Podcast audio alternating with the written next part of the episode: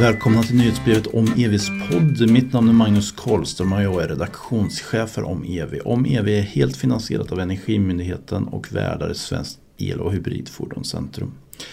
Dagens, dagens avsnitt är andra delen i en serie där vi undersöker vad städer kan göra för att stödja introduktion av elfordon med speciellt fokus på laddinfrastruktur. Förra avsnittet handlade om vad Göteborg gör och i dagens avsnitt så ska vi diskutera med, med en person vad Stockholm gör.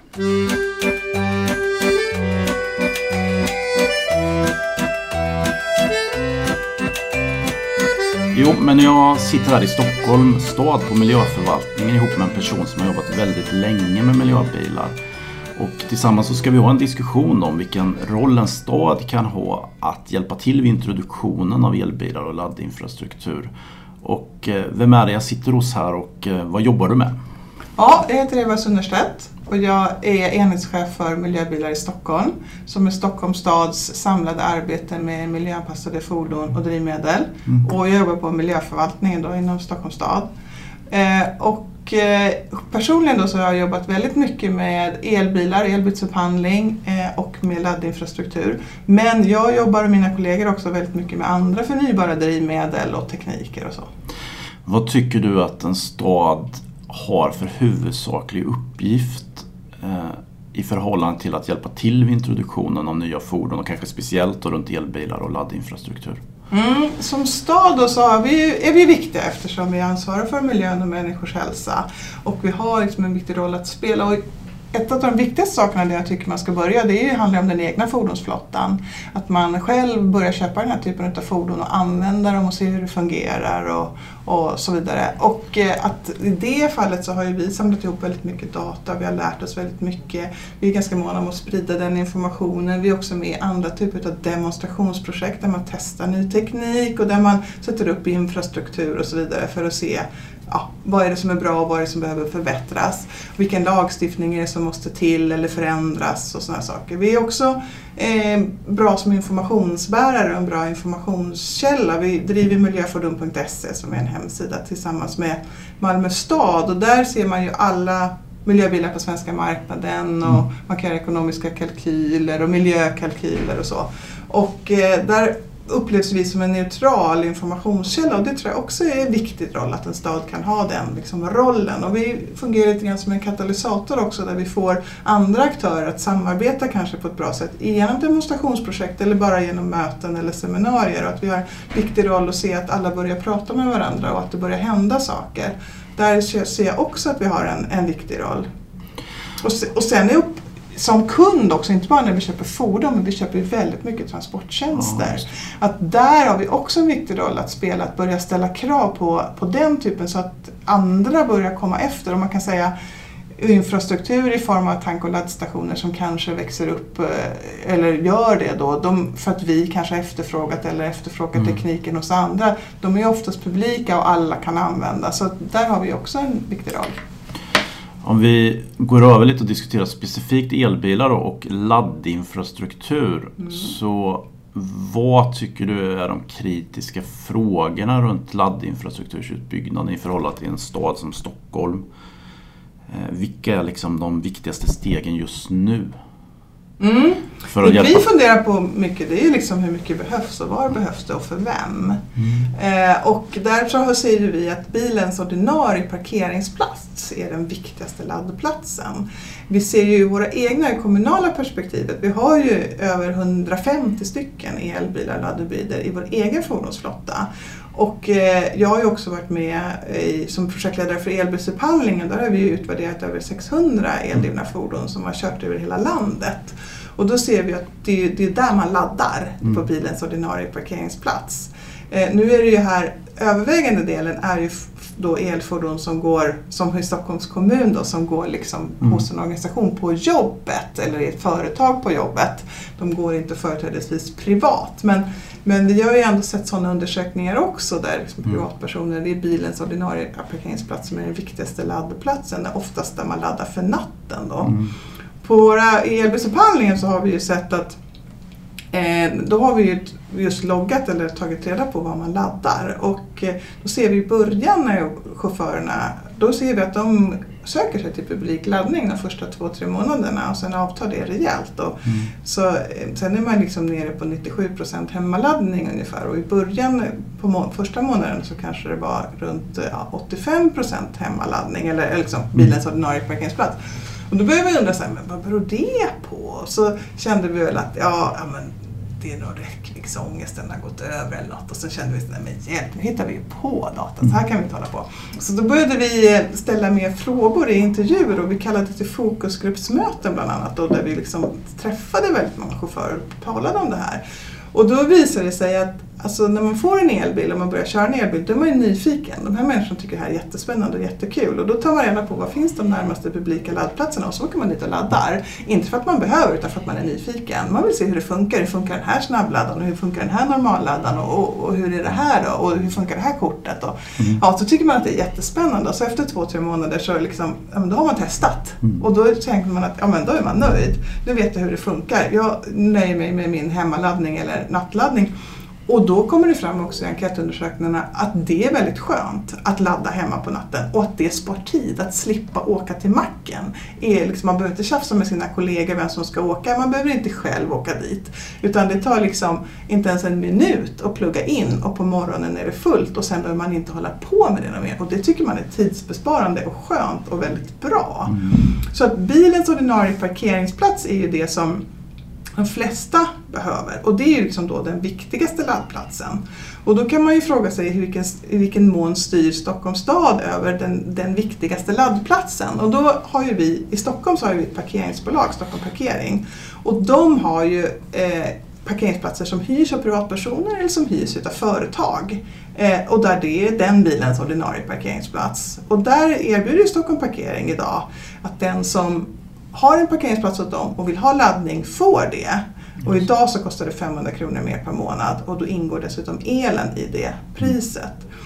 Och, och sen har ju vi bostadsbolag och ofta så är det faktiskt Stockholm Parkering som sköter parkeringen hos bostadsbolagen. Men det finns en del eh, där det inte så är. Och där får vi se, där, det håller man på att titta på. Det kommer förmodligen att bli något liknande. Att man liksom försöker tillhandahålla och erbjuda parkering även där från Mm. bostadsbolagens sida. Eh, och det, det är liksom det, och sen sätter vi naturligtvis, vi sätter naturligtvis upp själva in, åt våra egna fordon men de är ju inte publika de platserna. Så, så det tycker jag är, liksom, det är det viktigaste. Sen så kan man undra hur mycket publik laddning behövs det? Och, då behövs, och varför behövs det publik laddning? Jo, då behövs ju det för när man står i begreppet att köpa elbil, elbil eller då funderar man vad kan jag ladda och då har man liksom inte insett det här redan ännu Mm. att det det är mest hemma utan man vill ändå ha lite om utifall att kanske och då är det liksom viktigt att det finns och då frågan är hur mycket sånt är det viktigt att det finns och på var och på vilka ställen. Sen vet vi att de kommersiella flottorna de använder det här. De använder snabbladdning. Vi ser, vi har ju ett antal ändå snabbladdare i Stockholm idag och som har satts upp på stadens mark av privata aktörer. Och, och ett av kraven när man har satt upp det som privata aktörer och har ett nyttjanderättsavtal med stan då, som man har fått, då är att vi får data. Mm. Så jag får ju data så att jag ser hur det används. Och vi har gjort en del så sammanställningar på hur det används och så. Och då ser ju vi att det, snabbladdning användes företrädesvis på vardagar och väldigt koncentrerat faktiskt till mitt på dagen. Så här mellan 11 och 14 så är det mesta laddningen sker. Och eh, vi har ju också haft KTH inblandade som varit hjälpt oss och ja, skickat ut Mm. enkäter till de som använder och så. Så vi ser ju att det är en del kommersiella som budföretag, taxi och sådana. De, de tycker det här är jätteviktigt och använder det väldigt mycket. Medan privatpersoner, majoriteten av privatpersoner som har tecknat abonnemang eller kort eller vad ska man Mm. säga för att komma åt de här, de använder det inte. Utan, och de som använder det använder det väldigt sällan, någon gång i månaden eller något sånt där. Så att, eh, ja. Det, det här är ju liksom det kluriga. Om någon kunde liksom tala om så här, mm. vad är det och när vi har tittat då på de laddplatserna som finns, redan Mm. uppsatta, som Stockholm Parkering har också, och se när används de och hur används de Mm. och, och av vem. Och där har vi också gjort enkätundersökningar och så. Då är ju det helt uteslutande vilken typ av garage det är. Mm. Vilket ju inte är så konstigt om man tänker Vad menar du efter. med vilken typ av Jo, men om vi säger så här, i Vällingby centrum till exempel. Ja, där så kopplar man in sig på eftermiddagen och kvällen och laddar två till tre Mm. timmar. Ja, det är ju inte så konstigt för då uträttar man sina ärenden på kvällen efter jobbet Mm. eller, eller om, om man är på någon idrottsanläggning eller någonting i närheten när man går hos frissan. Inte vet jag vad man gör. Men man uträttar sina kvällsärenden och passar på att ladda. Mm. Därför det är, hela den, det, det är så det garaget används. Mm. Om vi tittar i city, till exempel Gal- Gallerian-garaget som är ett av dem har 40 laddplatser idag, nästan alltid fulla. Och det är tjänstebilsförare som är där. De kopplar in sig redan 5, 6, 7 på morgonen eh, och laddar eh, under dagen och sen åker de hem. Så där ser vi liksom hur majoriteten utav folk ladd, kopplar in sig på morgonen och står ganska lång tid och laddar. Sen har vi Höga Lidsgaraget på Södermalm som är utpräglat liksom bostadsområde, också kontor. Men där kan vi se att det är företag i området och privatpersoner som laddar på kvällen och där bilen står parkerad på natten. Och sen så slutar liksom laddningen, sen åker de iväg med den på, på morgonen. Och då, då är det, det beteendet beror ju på att det är den typen av garage. Förstår du vad jag menar? Ja, så det, det absolut. går liksom inte att dra någon sån här superslutsats och säga elbilsanvändarna laddar då. Och, och, för det är ju olika. Men, Ja. det, men det finns ju en tydlig slutsats om jag fattar dig rätt. Det är ju att om man analyserar vilken typ av garage det är så kan vi ana, göra en bra typ av laddinfrastruktur. Alltså, Ja. Det känns ju mer som en naturlig så orsak och verkan kedja tycker jag. Eller Mm. Ja. får jag säga emot? Om man ser vilken typ av kunder man har visst PU så Ja. kan man tänka sig att det är den typen av kunder Ja. som då har en elbil och vill ladda enligt hur den typen av kunden använder sin bil. Ja. Absolut. Jag tänkte, du pratar ju huvudsakligen om den här kommunala det som på något sätt kommunen äger då, det vill säga liksom bostadsbolag som kanske är kommunala eller så. Mm. Men det finns en annan grupp då som ibland kommer upp i debatten i Sverige. Det är ju bostadsrättsföreningarna. Mm. Alltså att det, det finns liksom en potentiell kundgrupp för elbilar som har liksom problem att skaffa Det hemmaladd. är en jätteviktig grupp. Det är de Och, som... och, så jag undrar lite vad ni, jag ska inte avbryta, men vad, vad, hur jobbar ni med dem? Liksom? Eller hur ska man jobba med dem överhuvudtaget? De är Ja. ganska, om man kan snacka om att det finns olika garage så kan man tänka sig att det finns lite olika bostadsrättsföreningar också. Och det kommer ju tillbaks till det jag sa från början att bilens ordinarie parkeringsplats Ja. är jätteviktig. Och de råder ju över bilens Ja. ordinarie parkeringsplats. Och det är jätteviktigt. Vi har ju identifierat dem som en jätteviktig grupp. Vi har ju tagit fram ett lite enklare informationsmaterial för dem. Eh, och vi skick, som vi skickar ut när de hör av sig. Och vi får jättemånga som kontaktar Mm. oss och frågar hur ska jag göra och på vilket Mm. sätt ska vi göra. Dels bostadsrättsföreningar som frågar och dels folk som bor hos en bostadsrättsförening som säger att min bostadsrättsförening är inte så intresserad. Mm. Hur gör jag? Och då har jag Alltså jag bor ju själv i en bostadsrättsförening, jag vet lite grann hur det är. Att eh, det är ju folk som sitter på sin fritid och sköter ett hus och inte har några detaljkunskaper i, i alla de här frågorna. Och det är klart att när man har liksom jättemycket frågor att ta ställning till och så kanske inte det här känns som det viktigaste och då är det enklast att säga nej. Och det vi har förstått då, det är att vi måste göra det så lätt som möjligt för en bostadsrättsförening att säga ja genom att man ska förstå att det inte är så komplicerat och att man ska få verktyg för det. Så vi har gått ihop med, vi har ju märkt, det är inte bara vi som märkt, de ringer från kranskommuner allihopa. Så vi har gått ihop liksom med våra kranskommuner liksom i Stockholms län, så vi är 24-25 kommuner faktiskt och har gått ihop och sagt att vi vill göra någon informationsspridning eh, eller någon informations just till bostadsrättsföreningar. Och nu har vi faktiskt sökt pengar från Klimatklivet för att göra en seminarieserie som kommer vara på kvällstid då till bostadsrättsföreningar. Och vi tänker faktiskt göra en film hej. som eh, kanske en kortare film som är alltså så här går det till, så här gör du. Som man då kan visa på ett årsmöte eller som man då kan visa i en, för en styrelse. Och sen så kan ju då man gå på våra informationsmöten som kanske kommer att vara en, en och en halv timme på någon kvällstid och där tänker vi då bjuda in eh, olika leverantörer utav utrustning så att man liksom kan prata med dem och, Ja, och ställa frågor och kanske veta vad som gäller. Och så kan vi mest liksom komma med tips. Hur ska man tänka? Hur ska man göra? Och lite checklistor. För att söka pengar hos Klimatklivet är för en... Även jag tycker att det är jättelätt. Men om man sitter i en bostadsrättsförening och inte har det här som sin huvudsakliga kompetens. Då är det liksom, ska man svara på frågor. Vilka miljömål svarar din ansökan upp mot? Och, ja, det, alltså, det, vi måste liksom göra mallar så att de bara är som klipp och klistra för dem. Så det ska bli mycket, mycket lättare. Så att där har vi liksom en, jag ska säga, ett program för hur vi tänker oss att göra det. Och nu hoppas vi att Klimatklivet ger oss pengar och gör de inte det då kommer vi nog att göra det här ihop. Men jag tror inte vi kommer att ha råd med den här filmen. Eh, för vi, men vi tror, jag tror ändå på det här lite grann med film, att man kan få in det här och få se liksom hur lätt det är. Och kanske man, man sitter hemma och tittar på nätet, att man ser att ja, men det är inte svårare än så här. Alltså, det är en wallbox, den ser ut ungefär så här. Och vi pratar om att dra en sladd liksom, längs med väggen. Alltså, det, är Mm. inget, det är inte svårt. Mm. Och att man på något sätt ska få den informationen och se så att man inte är så osäker. Vi har haft sådana här seminarier faktiskt för Mhm. bostadsrättsföreningar och för andra Vad har stora de, vad har de fastighetsägare. för frågor liksom? Eller Ja, men det, det var kanske två år sedan och då var vi lite för tidiga. Men vi hade ju några stora Mm. bostadsrättsföreningar, framförallt några centrumetableringar som kom, så här lite större garageägare och så. Eh, och då, ja, vad har de för frågor? Ja, det handlar ju väldigt mycket om hur man ska eh, vad ska det vara för teknik? Vad ska man satsa på? Hur ska man ta betalt? Hur ska man göra det här så Mm. rättvist som möjligt? Ja, sådana där frågor handlar det ju väldigt mycket om. Men det är om en liten personlig reflektion. Det är inte ov- jag bor ju själv i bostadsrättsförening och. Mm. det är ju inte ovanligt att bostadsrättsföreningar på något sätt subventionerar parkeringsplatser för de som har bil. Nej, Och de som inte har bil är med och betalar för dem. Mm. Och det är inte helt ovanligt heller att man kan hyra en, en plats med motorvärmeuttag och Ja. att man då får x antal hundralappar mer i månad Precis. utan att man håller på och mäter elen. Mm. Men man kan ju också sätta upp en enkel elmätare och läsa av den halvårsvis eller årsvis och faktiskt debitera just Ja. vad det har kostat.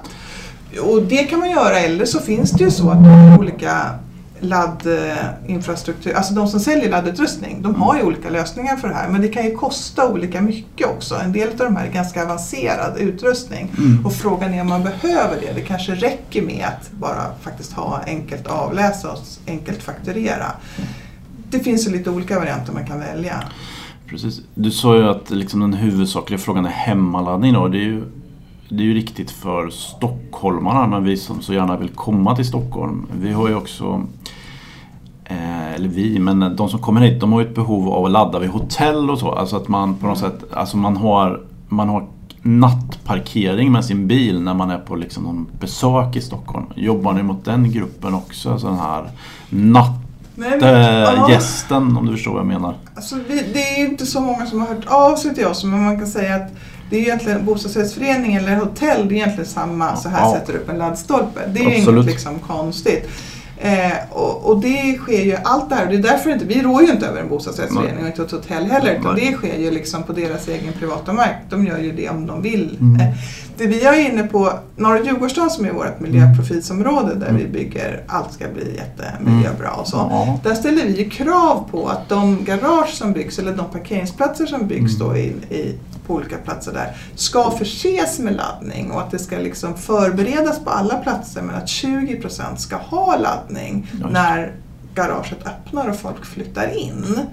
Mm. Eh, och det kan ju vi ställa de kraven för att vi är markägare och för att det är ett miljöprofilsområde. Och där håller stan på att titta vidare på exploateringskontoret framförallt. Om det här, de här kraven skulle man ju kunna ställa även om det inte är några Djurgårdsstaden, det vill säga på andra platser Mm. där stan är markägare och där man bygger. För när man bygger nytt så kan man, borde man göra Ställa det här. precis. Men då kan vi bara ställa kravet när vi själva äger marken. Jaha. Här fanns det i FFF-utredningen ett väldigt bra förslag som var att man skulle ge Boverket i uppdrag Mm. att se till att det här skulle gälla vid all ny Ja. Att man ställer, oavsett markägare, liksom, att när man, Mm. ungefär som att man kan ställa krav på färgsättning Mm. eller någonting annat. Ja. Eller energieffektivisering av ett hus. Så att vissa byggregler Mm. finns. Att i byggreglerna ska ingå X procent laddning när man ändå bygger ett garage. Mm. Det, det är inte en dyr merkostnad och det är mycket enklare att göra när man ändå bygger och projekterar än att komma efteråt och sätta upp det. Det. Men det krävs alltså att staden äger marken? I, I det här fallet så kan inte vi ställa, ställa kraven om det inte är så att vi äger marken. Nej. Nej.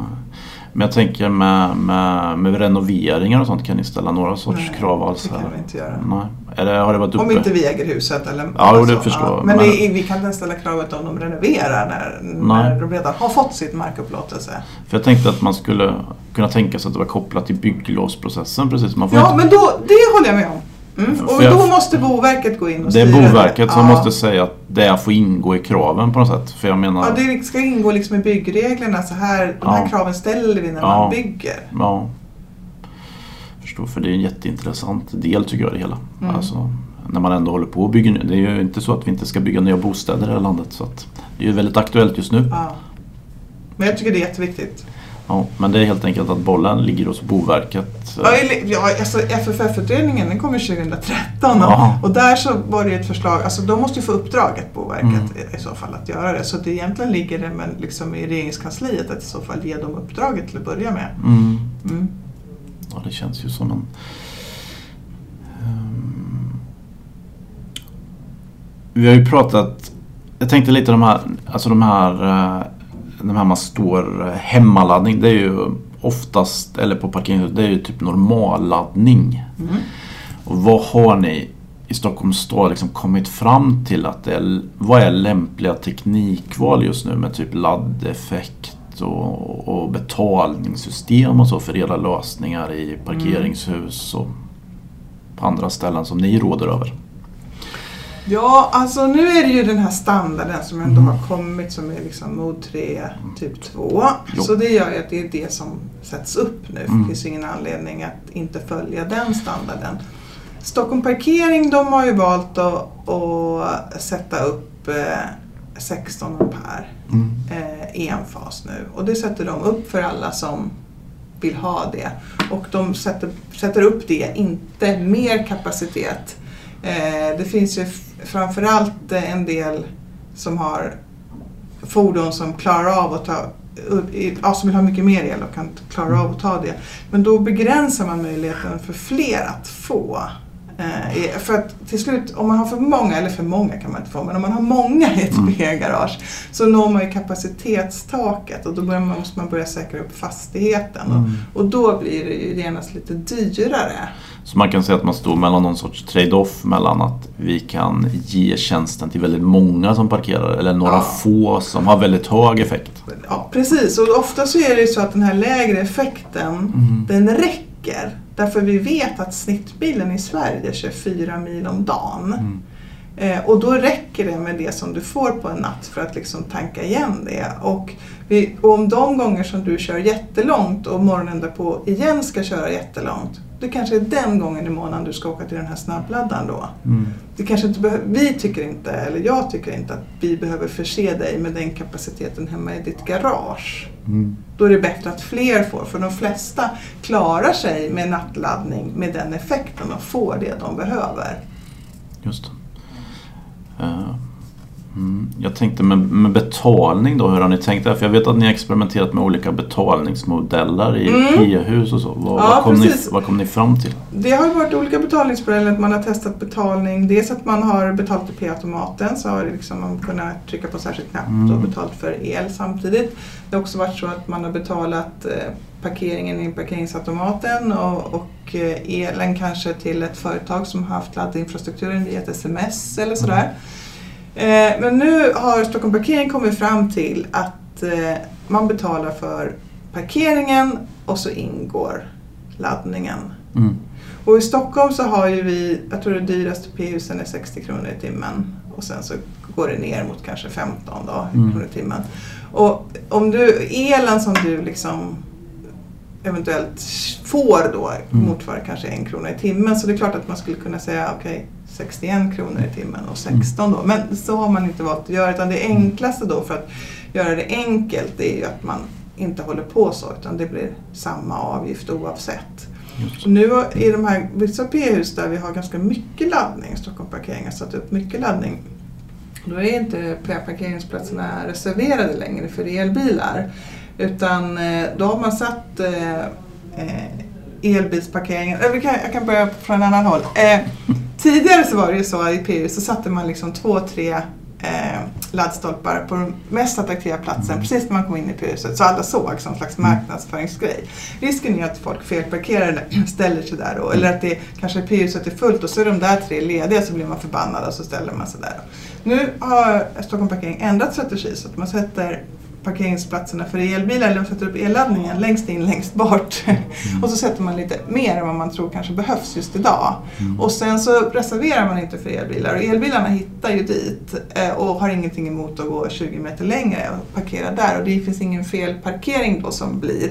Men blir det fullt så blir det ju fullt för alla. Och då betyder det att då behöver man inte hålla på Det jobbiga blir ju om man har tre, fyra platser som väldigt ofta, för initialt så har det så att de har varit tomma, det har inte varit några elbilar på dem. Då får man ganska stort intäktsbortfall om de Mm. fyra bästa platserna Mm. nästan alltid står tomma. I det här fallet så blir det ju inte så. Mm. Och då får man en mycket bättre ekonomi i stort och det blir mycket enklare för alla och så man slipper felparkerade bilar och sådär. Så nu så är, är de inte, men i vissa PUs där det bara finns fyra platser Mm. fortfarande, då reserveras de fortfarande på elbilar. Men, men vi har ju PUs där vi har liksom 60 laddplatser, 40 laddplatser och då, håller man inte på att reservera utan då sätter man dem i, i den ena änden av garaget och sen så är det fullt är fullt för alla. Jag tänker, har ni liksom statistik på hur fulla de här platserna som elbilar? Vissa har vi. För, För de det- senaste kanske 150, alltså Stockholm Parkering har ungefär 600 laddstolpar Mm. som är uppsatta som är eh, publika. Ja, jag vet inte om alla de är publika, 500 kanske är publika då, så har de 100 som är liksom till enskilda kunder som, där bara, alltså som inte är publika. Mm. Senaste 100-150 är smarta då, eller som senare Mm. modell, där man kan se online, liksom, Ja, eller Stockholm Parkering kan se online, Mm. liksom, de är upptagna och när de kopplas in och när man Mm. används och så, så vi får statistik på dem. Så Mm. där ser vi. Men på de första som har ju satts upp för lite längre sedan, då fanns inte den här smartnessen utan, utan då, då vet vi egentligen inte det. Jag förstår. Men de här 150 då, för man är ju lite nyfiken liksom på hur snabbt det fylls upp. Ja. Alltså och vad, vilka av de här olika garagetyperna som är liksom, blir fulla fort? Mm, men det, som jag sa, eh, gallerian då, Herkulesgatan, den, där är det ju fullt. Det blir fullt redan vid åtta på morgonen. Men, Det- men det är arbetsplatstid 40 antar jag? Där är det, där är det så. Där är det arbetsplatssidan som gör Men, det. men, men resten av eh, dygnet så är de inte fulla då? Nej, det är de inte. För de, ofta så står ju, det är ju folk som kommer tidigt på morgonen och så står till framåt eftermiddagen, Mm. kvällen. Och sen så kan det vara viss liksom, kvällsparkering men sen eh, det är väldigt få som bor i city. Så att där är ju inte alls, det är ju inte använt på natten alls på det sättet. Mm. Nej, så, så är det ju. På, men det är för att vi inte har så mycket boende där heller. Nej precis. Men det känns ju då som jag som skulle vilja besöka min vackra huvudstad skulle kunna få använda. Då skulle det Där, kunna... du kan åka dit istället. Ja. Absolut. Ja, men det, Men det blir fullt framåt nio på morgonen. Så Ja, jag får gå upp- att- får gå upp tidigt. Men jag går upp och skriver nyhetsbrev sex på morgonen så det Vi får väl se, det, det kan hända att det blir fler där men alltså det har varit en det har varit en 12 platser där ganska länge men väldigt fullt. Så nu har kom det, bara för några månader sedan kom det upp 28 till just för att det har varit så efterfrågat där. Och det är liksom nästan fullt nu också. Ja, det är spännande. Mm. Så om man är i gallerian, det är, jag är som också är lite nördig, vi pratade om det blir- man blir lite nördig, ja men det blir man väl kanske, det är roligt också. Eh, om jag är i gallerian brukar jag slinka ner där för att eh, från själva gallerian så kommer du enkelt ner i P-huset och det är ganska så, man hittar ganska lätt dit. Aha. Och där står det ju jättemycket roliga elbilar att titta på. Så man skulle kunna ha sån här eh, train watching då fast för Ja, elbilar. Ett bra ställe om man vill. Det finns jättemånga sådana. Ja. ja, är ett annat sätt att göra omvärldsanalys kanske och se hur det förändras över det är tid. kul att se liksom hur många elbilar står här idag. Det är ju jättemånga, det står oftast fullt och man får olika modeller på bilar. Och, mm. Eh, du pratar ju om det här med, med ehm, att ni på något sätt har någon rekommendation om att normalladdningen, alltså man ska ha 16 ampere eller kanske inte en rekommendation men det har blivit så att man huvudsakligen... Stockholm Parkering sätter upp det nu och tycker att det funkar jättebra. Och sen kan man se i nyare P-hus då, Mm. där börjar man jobba med eh, lastbalanseringssystem eftersom Mm. den möjligheten finns och inte lika dyr heller Nej, längre. precis. Och då kan man tänka sig att man kan, kan sprida ut lasterna och i ett, ett av de nya garagen, så är Stigbergsgaraget som ligger på Södermalm, Mm. Eh, nära Kärrholtsplan, där har man kopplat ihop det med en avfuktningsanläggning. Det här är ett bergrumsgarage. Mm. Eh, och då har man en stor avfuktningsanläggning och skulle det, i det garaget så finns det 300 platser varav 60 är för, för elbilar. Mm. Och det kommer väl ta ett tag innan det står Mm. 60 elbilar där. Men om det skulle komma 60 elbilar där imorgon då kan man liksom stänga av avfuktningsanläggningen under ett dygn ifall det Mm. skulle behövas och så kan man liksom lastbalansera emellan. Mm. Så då har man gjort sådana lösningar därför att det finns en gräns. Alltså, I det här fallet så sa ju nätägaren nej, ni, kan inte, ni får inte mer el. Ni kan inte sätta upp till på 300 platser som Mm. var liksom en idé från Ja. början. Därför vi, den kapaciteten finns inte nu, den har vi inte nu och då har man valt liksom att kanske avvakta lite. Men det nu finns det sådana system där man också kan tänka sig att man styr emellan. Att om det kommer jättemycket bilar så kanske inte alla får full kräm direkt. Mm, Utan man kanske kan ju sektionera och sådär. Och det kan man ju också jobba med. Precis. Vi kommer ju komma fram lite längre fram liksom till att ni jobbar med liksom planer hur många laddplatser ni kan tänka er i Stockholm Mm. på lång sikt och så. Men jag bara, ibland får man liksom känslan av det här att eh, det här elbilar är ganska nytt och man liksom försöker hitta så här lösningar eh, Mm. kontinuerligt. Men om man tittar liksom tio år framåt och man tänker sig att det blir riktigt mycket elbilar. Liksom. Mm. Det blir ju på något sätt att alla de här hur jobbar vi idag så vi har kunskap så vi kan hantera den situationen? För, Mm. för många av dem, ja, det är ingen speciellt bra fråga det här men liksom, du kanske förstår vad jag är ute efter. Liksom, att, eh, för allt sånt som lastbalansering och sånt kommer ju bli jätterelevant. Liksom, när det blir- elnät blir Ja, ju då liksom. ja, när det när behöver du ha fullt Ja. och när, när, alltså lite grann sådana saker Ja. också i så fall. Ja, det För det är klart om alla kommer in i ett garage Ja. klockan fem på kvällen och alla ska ha fullt inom de närmaste sex timmarna. Mm. Eh, då, kommer det, då kommer det vara ett problem även Ja. om tio år tror jag. Om man inte kan just ha sådana här smarta nät där man kanske säger att, att, eh, ja, att man antingen att man anger att jag ska iväg klockan Mm. sju imorgon bitti. Alltså alla, om, du, om du har sex timmar laddning från fem då betyder det klockan elva på natten är alla Mm. fulla. Det kanske inte behövs. Precis. Och då gäller det liksom att se ja, hur kan man göra det på ett smart sätt. Det kanske är så att alla är halvfulla klockan 11. Men, eller också så sprider man ut det på något annat sätt. Eller vissa som har angett att jag ska vara på semester en vecka, de har, händer ingenting på en vecka.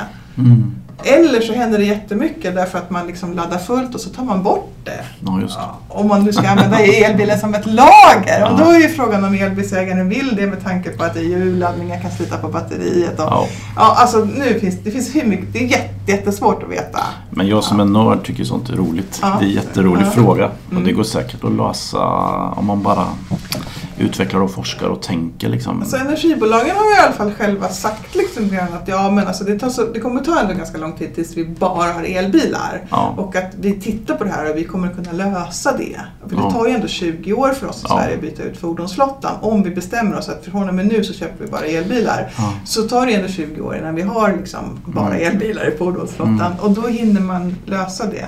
Precis, men det är också den här frågan som exempelvis som du pratar om med lastbalansering, att man kan ta bort andra laster. Det är ju en Mm. fördel och en annan är ju att man bara kan få välja när man laddar. Alltså man vet att det står 40 bilar och de behöver 8 kilowattimmar allihopa ungefär under Mm. natten. Då kan man ju bestämma, nu laddar de här 10 och sen laddar de 10. Ja, man kan ju liksom precis ladda en halvtimme Ja. var eller, Ja. eller, eller cirkulera eller som du säger ladda fullt på första Ja. och sen dem och sen dem. Precis, så det finns ju mycket som helst. Ja. Och digitalisering som det så fint heter kan ju ge massvis av stöd för det antagligen. Men det, min fråga som jag tänkte ta upp det var snarare med snabbladdning då. Att det finns Mm. ju liksom situationer där snabbladdning kan vara aktuellt. Eh, För kommersiella flott- flottor Ja, kommersiellt. Och även för andra. Visst, någon gång Precis. ibland. Men hur tänker ni på Stockholms stad runt snabbladdning? Liksom? Var, var Ja. ska det vara någonstans? Vilken roll har ni i Mm. det? Och, ja. Vi fick ett uppdrag 2014 att vi skulle medverka till att etablera 10 snabbladdare i Stockholm. Och även 100 normalladdare faktiskt. Men vi har redan pratat så mycket om Mm, normalladdare. Men om vi går till snabbladdarna där. Så då höll vi på och funderade jättemycket. Hur ska vi göra det här? Och på vilket sätt ska vi lösa det? För det här finns jättemycket liksom. Och det finns hela den här problematiken, ska en stad ägna sig åt det här? Är det vi som ska köpa, sätta upp, drifta, underhålla? Vi har inte riktigt den kompetensen. Eh, eller ska vi låta en, är det någon slags tjänstekoncession där vi tar in någon som upphandlar den här tjänsten som fixar och donar? Eller hur ska vi göra? Eh, och då efter att ha funderat fram och tillbaka och hit och dit så blev vi, var det också så att energibolagen kom till oss och var intresserade av att sätta upp och på vilket sätt kunde man samarbeta och vad vi gör och så vidare. Så det vi gör nu och det vi erbjuder och har gjort det är att vi man, den, en, en privat aktör som vill sätta upp snabbladdning på gatumark i Stockholm eh, kan få teckna nyttjanderättsavtal med oss och få tillgång till mark att sätta upp det själv helt på egen bekostnad. Eh, och då är det den som ansvarar för drift och underhåll eh, och som, som sköter stationen. Eh, vi upplåter marken med nyttjanderättsavtal, det vill säga och man bet- betalar ingenting för det nyttjanderättsavtalet. Hittills har vi upplåtit eh, på mellan, fem, mellan tre och fem år. Eh, tre år på de platser där vi vet att det liksom är liksom kanske läge för bygge och Mm. ett exploatering och så. Fem år när vi vet att nej, men här kommer det liksom inte att hända Mm. någonting. Eh, avtalen eh, har ett års uppsägningstid åt båda håll.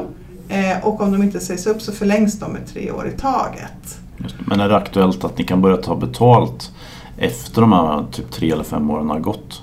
Ja, ja det skulle vi. Alltså vi har väl känt så här att än så länge så under när vi skulle få upp de här tio så liksom, vad är vårt bidrag då? Då, då kände vi att ja, det är ganska enkelt att vi säger att det, det kan vi liksom efterskänka. Det är klart man kanske inte alltid kan göra det.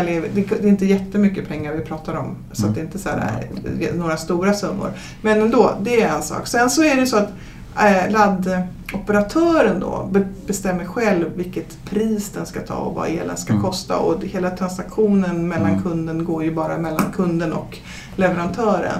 Vi har också ingen P-avgift på de här snabbladdningsplatserna. Vi anser egentligen inte att det är en parkeringsplats, vi tycker att det är en laddplats. Och du kan stå där upp till 30 minuter då. Men vad händer med en eh, elbilsägare som står längre än 30 minuter på den platsen? Kan han få p-bot? Den kan ju få p-bot då, absolut. Mm.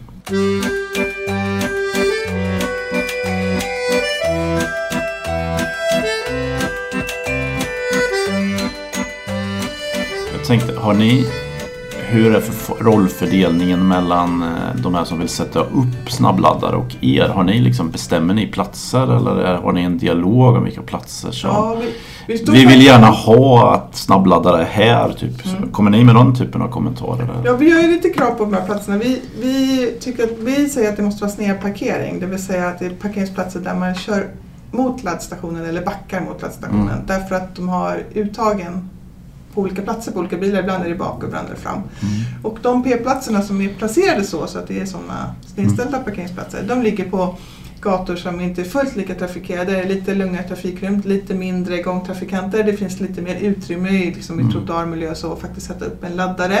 Eh, det är också så att på de platserna så målar vi rutor idag. Eh, och så att det blir enkelt, enkelt och tydligt var det är någonstans. På våra större gator där man snedparkerar, eller man parkera längs med gatsten. Det är ju gator idag som eh, vi egentligen vill på sikt ta bort parkerade bilar för att vi har en framkomlighetsstrategi mm. som säger att vi måste prioritera fordon som rör sig för det blir fler i stan och gatorna blir inte bredare och vi måste ta bort parkerade bilar för att få cykelbanor och busskörfält och sådär. Så där vill vi inte sätta heller av den anledningen men vi är också oroliga att att vi kommer få bilar som parkerar mot körriktning och vi kan få väldigt många lustiga sladdragningar mm. och sådär. Så att vi har hittat det, vi redan under 2012 faktiskt så identifierade Trafikkontoret ja, nästan 30-29 platser ungefär i Stockholm som uppfyller de här kriterierna med snedparkering och där det skulle kunna vara lämpligt. Eh, och då, redan då tyckte vi att det är någon aktör som vill sätta upp, mm. då var det ingen aktör som ville det. Men från 2014 då så har det ändå kommit aktörer som har satt upp mm. snabbladdning på de här platserna. Vi tänkte ju då normalladdning initialt men nu har det snabbladdning som har vuxit upp där. Och eh, där, där ställer vi då eh, också krav på den som sätter upp snabbladdning. Vi ställer numera krav på färgsättning så de här eh, stationerna måste ha Umbra grå som är Stockholms gatumiljöfärg. Mm. Eh, och eh, vi ställer också krav på att de ska fungera så att de måste ha en liksom, ja, 90-95 procent ja, funka. Annars kan vi säga upp avtalet mm. på en gång utan att Alltså det är grund för avtalsuppsägning så att det inte är så att man sätter upp en station och sen sköter man den inte. Mm. Så vi ställer lite krav också så att vi ska få data som jag sa innan då, så att vi mm. vet hur de, när, att de används och när och hur. Och, så det har man ju glädje av om det ska liksom växa ännu mer. Mm. Så vi har massa platser som vi har pekat ut med kartor och så. Men en operatör kanske hittar en annan plats som mm. vi har förbisett eller som inte vi har kommit på. Och då kan vi ha en dialog utifrån det såklart, absolut. Jag tänkte ni har ju något, någon typ av utredning, tittar liksom på mål för hur mycket laddinfrastruktur en stad som Stockholm mm. behöver mm. över någon typ av tidsperiod. Jag vet mm. inte exakt hur det är konstruerat. Kan du berätta lite hur ni tänker när ni jobbar? För den utredning som pågår just nu om jag förstår mm. rätt.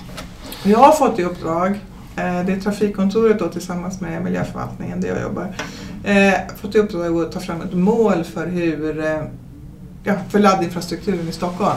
Och det, det, här är ju väldigt svårt. Här har vi faktiskt tagit hjälp av en konsult. Så vi får se om konsulten kommer med några jättekloka mm. och, äh, grejer. Men det är väldigt svårt att veta hur mycket behövs och var behövs det och i vilken Mm. utsträckning. Ja. Och är det så att man, är det ett särskilt, eh, kan man uttrycka det här som att det ska vara ett visst antal eller ska man uttrycka det här som en målsättning som är mer liksom att där det behövs eller i den utsträckning Mm. som mark- marknaden efterfrågar. Eller, ja, det kanske blir en kombination av det. Mm. Men vi har ett uppdrag att göra det under året och, Mm. och ja, det, det är lite svårt faktiskt att veta. För hela det här och och just det här som vad är kommunens roll? Och vi ser ju att snabbladdning har ju, vi har ju sex sådana här platser idag på gatumarken. Ytterligare ett par platser har kommit upp på Stockholm Parkerings parkeringsområden.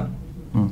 Så då är det inte gatumark. Alltså som lekman eller även som Mm. jag, man ser ju inte skillnaden. Det är på kartan man ser Mm. skillnaden. Så det, där finns det ett par sådana platser också. Men sen har det ju vuxit upp hos privata aktörer.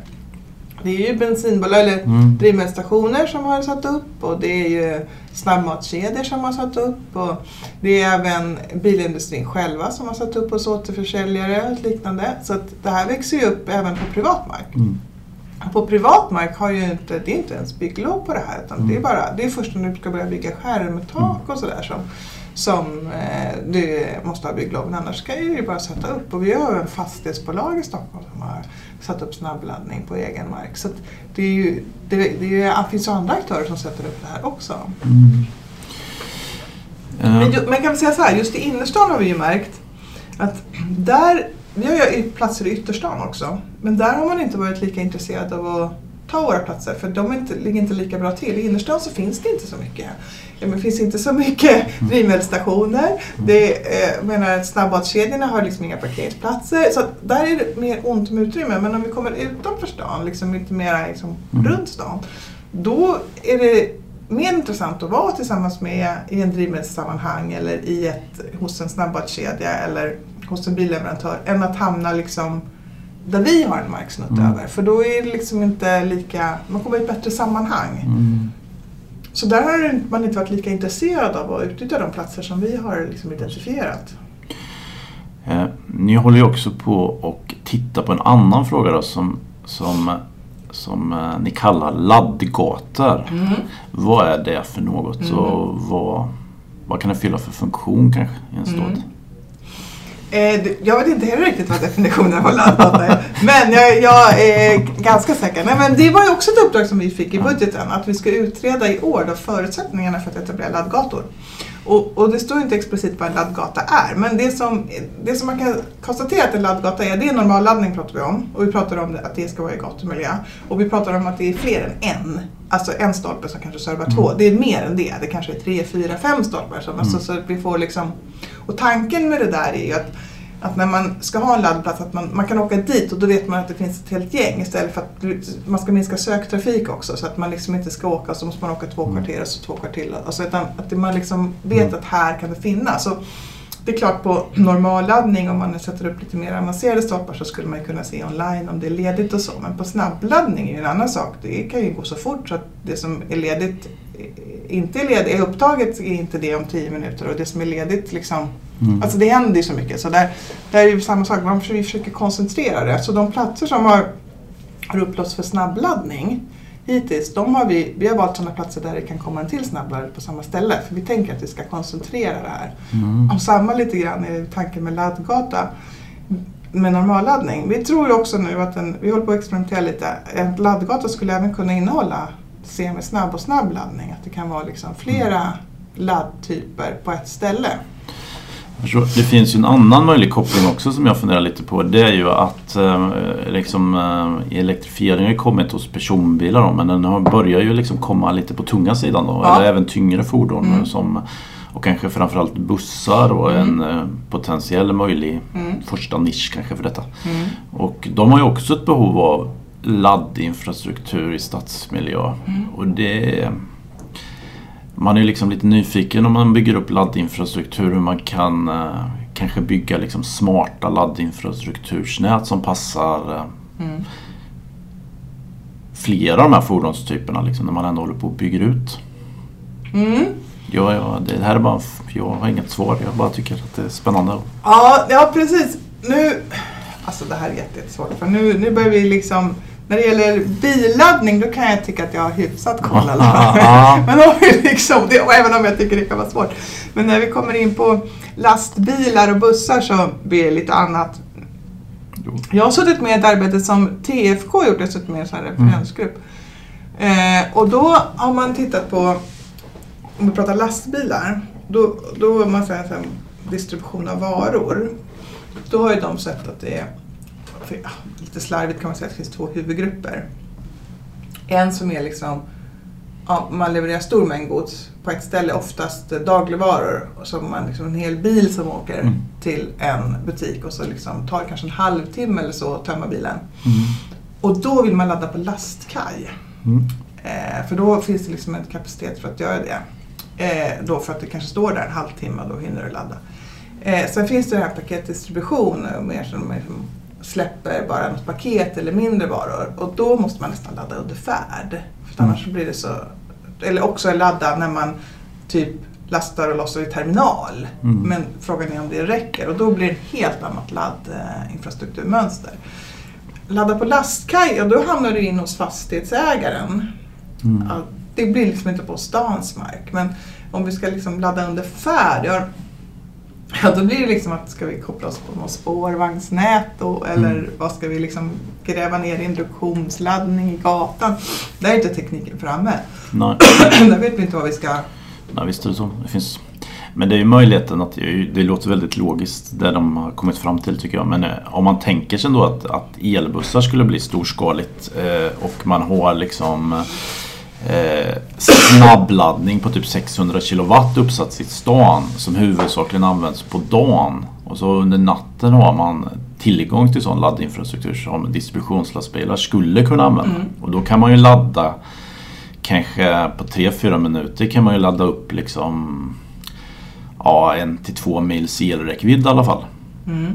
Och det känns som det skulle kunna gå att göra så tycker jag. Men, eh, men, Ja, eh, vi men, har ju, men, vi, nu eh, har ju vi faktiskt en, en buss som går i SL-trafiken som går på linje 74. Som, de har en laddstation i Ropsten Mm. och en i, Karolinska, men då ligger den i Solna stad, och Solna kommun. Men det finns ju en i Stockholms stad och den är ju på stans mark, den laddstationen. Eh, den ägs utav Vattenfall i det här fallet och den då disponeras ju då utav SL eller Keolis då, Mm. som är deras entreprenör i det här fallet. Och bussarna ägs utav Volvo. Så att, ja, det blir väldigt, liksom, det är en väldigt speciell situation. Och den här laddstationen, det är ju dels ett litet hus kan man nästan säga, som ju då är själva liksom elcentralen. Och dels så är det ju då en stor arm mm, som är en pantograf eftersom den här laddas liksom uppifrån. Bussen Mm. kommer och som skjuter upp sin laddning i pantograf upp mot den här mm, hållaren som går ut. Och då, så, så, så är det löst i det här fallet. Så de har också fått ett nyttjanderättsavtal på samma sätt som det har varit med de här eh, eh, snabbladdarna då. Men då är det en buss, och, eller nej, det är åtta bussar, men det är en liksom, ett Mm. ställe och så. Så då funkar det. Men ska det här liksom bli storskaligt, ja då vet det sjutton. Just den här anläggningen är ganska stor och den funkar ju i Ropsten liksom, men den ska ju inte funka liksom här utanför på Fleminggatan kanske. ja, precis. Men då är frågan, behövs det här eller kan man placera de här ställena där det passar? Ja, då skulle det kunna funka. Sen, men sen det, idag så är det ju så att eh, man kan erbjuda privat kollektivtrafik idag och som stad så har vi skyldighet att tillhandahålla plats för en Mm. privat kollektivtrafikoperatör som vill driva en busslinje. Så om det kommer en privat operatör som vill driva en busslinje genom Ropsten och den ska vara en elbuss, ja då ska vi liksom tillhandahålla ett hållplatsläge även för den. Ska vi tillhandahålla en laddning även för den bussen då? Eh, och, alltså är det, ska ett annat energibolag sätta upp den stolpen? Ska de stå där två stycken stolpar bredvid? Kan de samordna sig på något sätt? Och problemet är att det finns ju ingen standard heller för det här. Så vad är det som säger att den elbussen har samma pantograflösning som den här? Och Mm.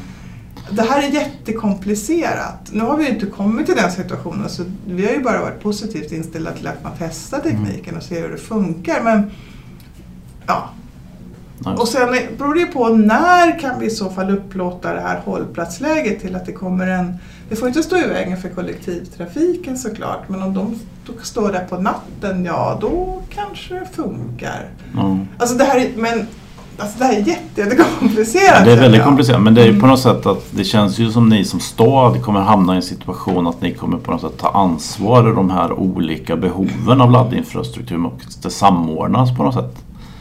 Potentiellt då liksom om det blir ännu fler typer av fordonstyper än de här privatpersonerna eller vissa Ja, det, det, är svårt för att jag tänker som, vi har ju en annan elbusslinje som mm. är faktiskt en privat som, ja, går, som går ifrån eh, Solna in, in till Vilkabergs station som ligger inom mm. Stockholm.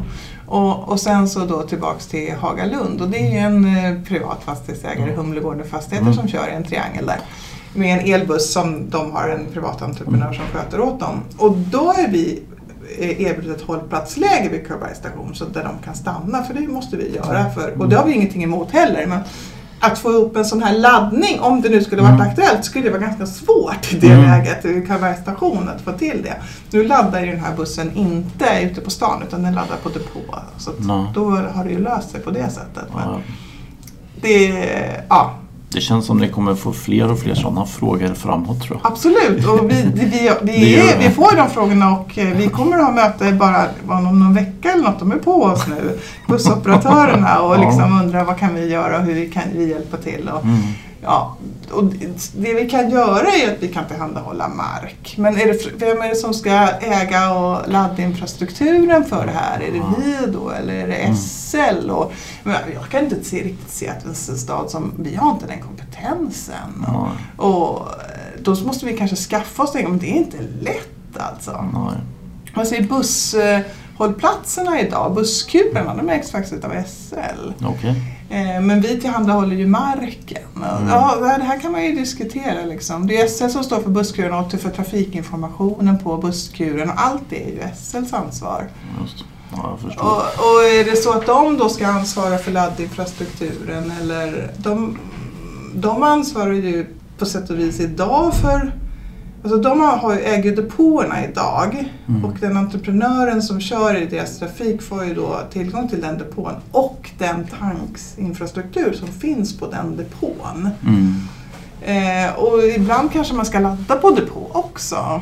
Mm. Jo. Ja, men eh, ja, jag vet inte. Vi, vi har ju varit här liksom, när vi pratar laddning och snabbladdning och då har vi känt så här, men vi driver ju inga drivmedelsstationer idag. Det är liksom inte riktigt en mm. stans mm. uppdrag, har inte varit det hittills. Men vi tillhandahåller ju mark för drivmedelsstationer, man arrenderar mark av oss. Mm. Man, alltså, på så sätt så är vi liksom på något sätt behjälpliga. Då. Mm. Och lite grann kan det bli samma sak när det gäller laddning.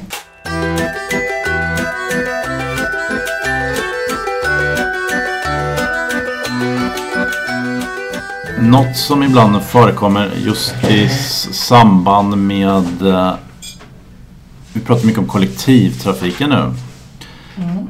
Det är att det finns liksom en diskussion om eh, om det finns en målkonflikt mellan elbilar och vad många av de svenska städerna fokuserar på liksom som policymål för sin transportinfrastruktur. För det finns ju liksom det här drivet mot förtätning och öka kollektivtrafiken, eh, gångvänliga innerstäder och sånt. Och då kan det ju alltså elbilar och laddinfrastruktur behöver på något sätt ytor ändå.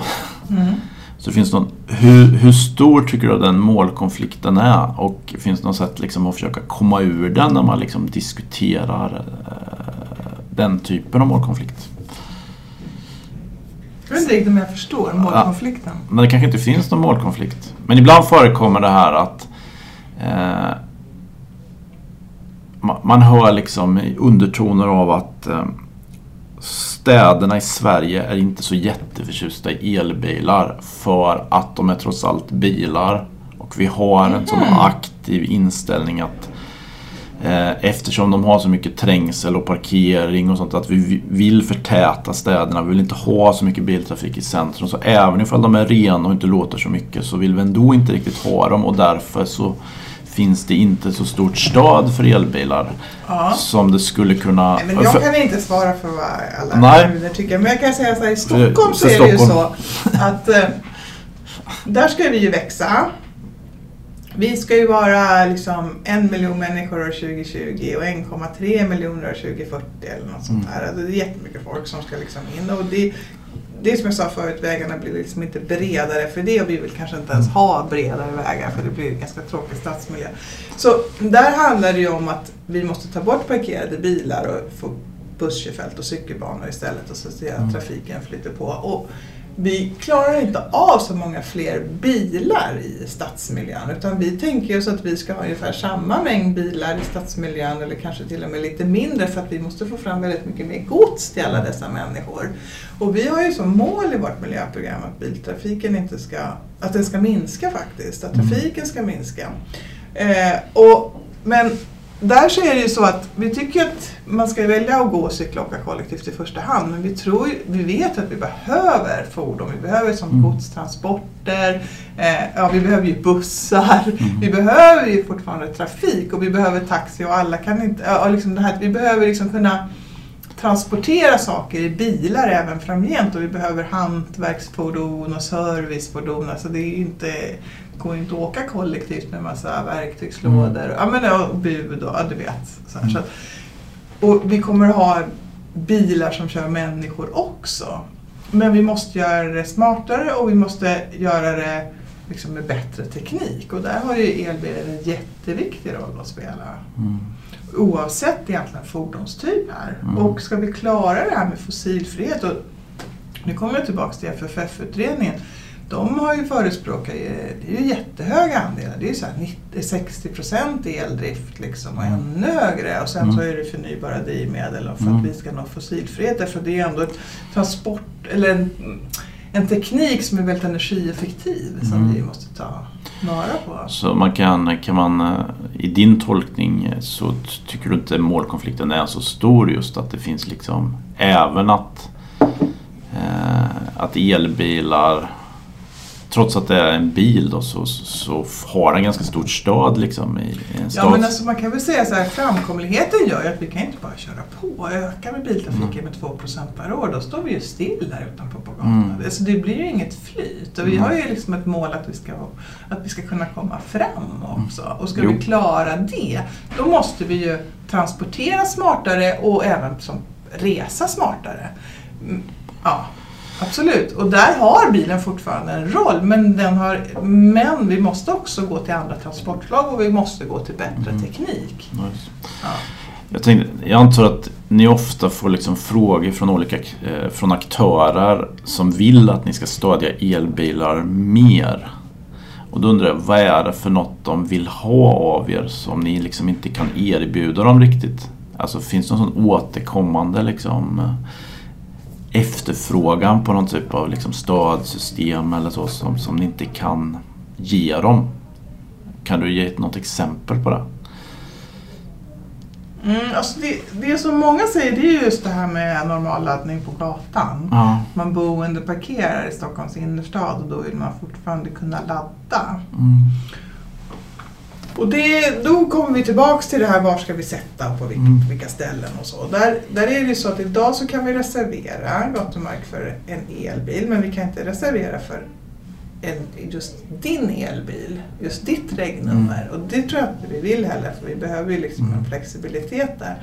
Så oavsett om vi nu kommer att få upp de här laddgatorna då, eh, som är tanken, så kommer ju du inte att kunna boka eller vara säker på att just det är ledigt en plats till dig varenda dag. Mm. Så då får du väl åka och snabbladda de dagarna. Eller, mm. ja, Förstår jag menar? Alltså det, är inte så här, det är inte samma sak som att ha en plats i ett garage eller hyra en p-plats någon annanstans. Då vet du att det här är min plats. Mm. Den hundraprocentiga säkerheten kommer du aldrig få på gatan. Så det är fortfarande inte samma typ av service. Så vill man vara liksom helt säker på att man ska ha en laddplats då är det ju ändå garage. Mm.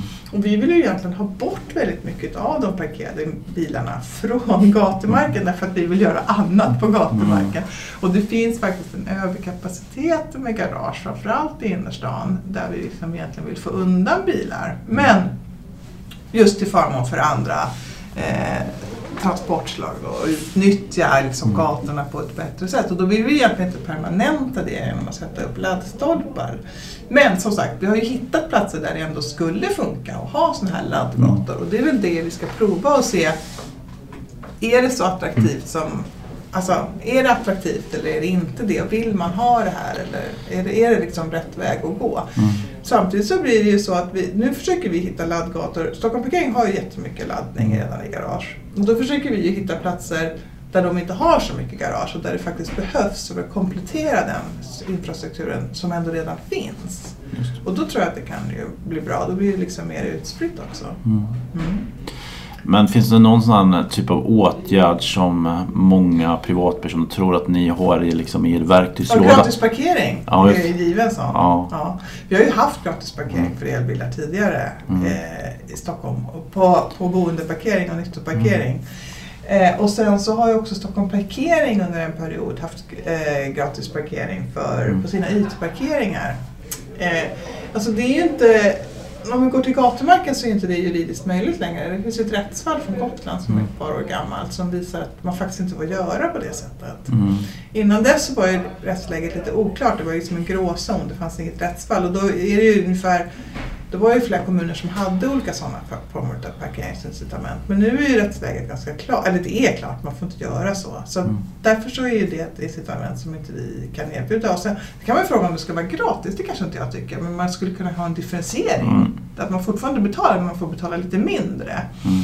Men det är ju inte juridiskt möjligt. Och trängselavgift är en annan sån sak som också många säger, vad, vad slipper Mm. man betala, betala trängselavgiften? Och det kan jag tycka att Nej men de trängs ju också. Men man skulle kunna ha en differentiering där också. Det vill säga att bättre bilar betalar mindre och sämre bilar får faktiskt betala mer. Mm. Men det är ju en skatt och det är en statlig skatt. Så det är ju staten som styr det. Det är faktiskt inte Stockholms kommun som avgör det. Men om man tänker så att, ni, att du skulle få ändra något som staten bestämmer över så att ni skulle ha fler möjligheter liksom, i er verktygslåda. Vad skulle Ja, det, jag skulle tycka det var bra. Så just den Differentierad trängselskatt, differentierad p-avgift. Tycker jag. Nu kan inte jag säga att alla inom Stockholms stad tycker det. Men det tycker jag skulle vara bra. Jag tycker också att vi, jag vill också ha någon form av miljözon för personbilar. Där man också kan tänka sig att vissa typer av fordon kanske inte får köra in på vissa platser. Där man faktiskt kan stänga ute. Och, och till syvende och sist så måste vi ha det. Om vi då 2040 ska vi fossilfria som vi har som Mm. ambition. 2040 senast så måste vi kunna säga stopp. Mm. Du får inte köra in här om du inte är fossilfri och då kan ju det vara för att du köper ett förnybart drivmedel eller att du har en elfordon. Det är ju jätteviktiga verktyg och egentligen skulle vi vilja ha de verktygen väldigt snart därför att man vill ju kommunicera ut det till marknaden och säga 2040 är det stopp eller kanske ännu tidigare. Men vad säger då staten när ni pratar med dem? För jag antar att det varit uppe i diskussioner redan. Men det som faktiskt har hänt nu är att man börjat prata om det här med miljözon för personbilar och att det är någon sån utredning på gång och man Mm. håller på med samråd och Mm. just nu och det har varit en hel del sådana möten där man har börjat Mm. diskutera det. Så det är ju faktiskt på gång och det tycker jag är Mm. jättebra. När det gäller trängselavgift, nej men då tycker jag inte att vi har fått något gehör. Och när det gäller parkering, då är parkeringsfrågorna är väldigt het potatis. Det är väldigt svårt. Jag tror att man brottas med juridik, juridiken där. Mm. Parkeringslagstiftningen är ju från 50-talet och behöver faktiskt moderniseras på flera håll. Men det verkar vara någon het potatis som är svår att lösa. Det Rent känns väldigt det känslomässigt parkering också tycker jag. Eller det är väldigt Ja. många som har väldigt starka känslor om Det parkering. Mycket liksom parkeringsfrågor som skulle, inte bara det som rör elbilar. Nu jobbar inte jag med parkering i, i några andra sammanhang men jag ser mina Mm. kollegor som gör det att det finns mycket saker som skulle kunna förändras och förbättras när det gäller parkeringsfrågorna. Mm. Men där, den har man liksom inte riktigt tagit tag i. Det gjordes en utredning men det är, alltså, nu känns det som att det är åtta år sedan eller något sånt. Det var en stor utredning som gjordes och, och den gjordes och sen blev det liksom ingenting av den. Ja. Så det är någon, jag har inte riktigt identifierat varför det är så Precis. svårt att ta tag i Jag tänkte vi ska försöka avrunda här lite då, men jag tänkte jag skulle sluta med två frågor. Den ena, är det någonting du känner att vi andra borde veta om hur det är att vara en stads representant i förhållande till elbilar och laddinfrastruktur som ofta liksom, vi andra missförstår eller så? Är det någon sån som du tycker att du jämt får förklara dig eller så? Vi har ju varit inne kanske lite på de här vad ni har för möjligheter och så, men är det något annat som du tycker att liksom att Uh... Ja, alltså jag vet inte. Alltså det finns ju många, det är ju så, vem är det som ska bygga ut infrastrukturen? Det är ju det. Och då är det ju många just elbils liksom, Mm. intresserade som tycker att varför kan inte bara stoppa Mm. och sätta igång? Och det är ju faktiskt så att det är jättestora investeringar, det är dyra investeringar. Det är också så att det är inte bara för oss att sätta igång, vi måste i så fall göra en upphandling och det är ganska svårt att göra en sån Mm. upphandling.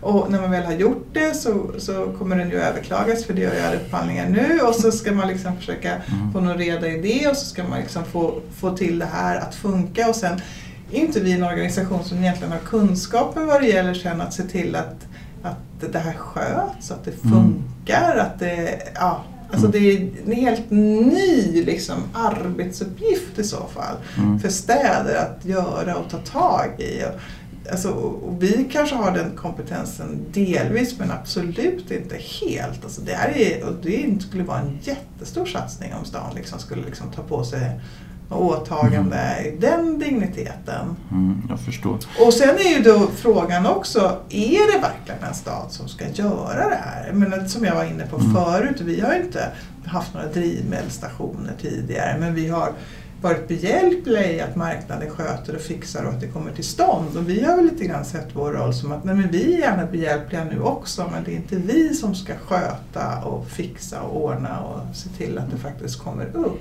Mm. Jag tänkte som en avslutande fråga så, så är det ju egentligen kanske ett erbjudande till dig. Det är ju att det här nyhetsbrevet som jag är redaktionschef om EV, det huvudsakliga målgrupp, i alla fall som jag tänker mig, det är ju sådana som forskare och utvecklare inom elfordon och eh, ja, framförallt på drivlinjesidan kanske. Men eh, jag undrar lite om du från en stads perspektiv känner att det är liksom några sådana kunskapsluckor som forskning-Sverige borde ta tag i i förhållande till de frågorna som ni på staden har. Liksom. Vad är det liksom som känns... Ja, det här skulle jag vilja veta mer om. Ja, det är svårt. Ja, jag det, förstår. De frågorna som vi brottas med mycket, Ja. det är ju just det här var behövs laddningen? I vilken omfattning behövs det? Liksom? För att om man, det är ju dyra investeringar oavsett om det är vi eller någon annan som gör det. Alltså hur vet man att man gör rätt? Då? Och då har vi också diskuterat så att, att ja, men alltså man kanske inte alltid kan göra, alltså det är också okej att göra lite fel för man måste liksom lära sig. Men det är ju ändå väldigt svårt att veta liksom, som du själv var inne på, vem är det som ska ha ansvaret för det här då? Om vi pratar om Mm. bussar och, och lastbilar. Och, det är ju alltid lätt att säga att någon annan får ta ansvaret. Så samtidigt kan man ju tycka så här, men vem är det som tjänar pengar på det här? Ja, det är ju bilindustrin, eller? Är det de som ska sätta upp laddningen då kanske? Mm. Så kan man ju också börja titta Mm. på det. Och till viss del så har ju bilindustrin faktiskt satt upp viss laddning. Så att, ja. Mm, och just de här frågorna, alltså det finns ju, det får jättegärna någon svara på. Men, och det var ju där som vi var inne på, vad, vad är det för mål, vad är det som Mm. behövs? Och det, det är klart vi, vi brukar ju liksom diskutera lite grann i man kan ju också gå, ha någon slags målstyrd liksom, Mm. planering. Alltså, om vi vill hit, vad är det som behövs då? Mm. Ja, det vet vi, men vi vet vad vi vill, men vi vet ändå inte riktigt vad som behövs för att vi ska nå Mm. dit. Alltså, Mm. Vi vill att vi ska vara fossilfria, men vad är det som behövs? Ja, vi ser ju liksom att det är hemmaladdning som är det viktigaste och där jobbar vi som bara den och så försöker vi liksom se till att Mm. komplettera. Men vi rår ju inte över, Nej, över allt det här. Och det, det är ju, men så är det ju med alla frågor, att det är liksom någon slags Mm. samverkan. Att alla Mm. liksom delar eller Mm. organisationer eller aktörer i samhället måste ta sitt liksom, ansvar. Eller framförallt kanske att man måste prata med varandra och se vad, hur man kan jobba tillsammans. Absolut. Mm. Ja men eh, jättebra, tack så Mm. mycket. Tack!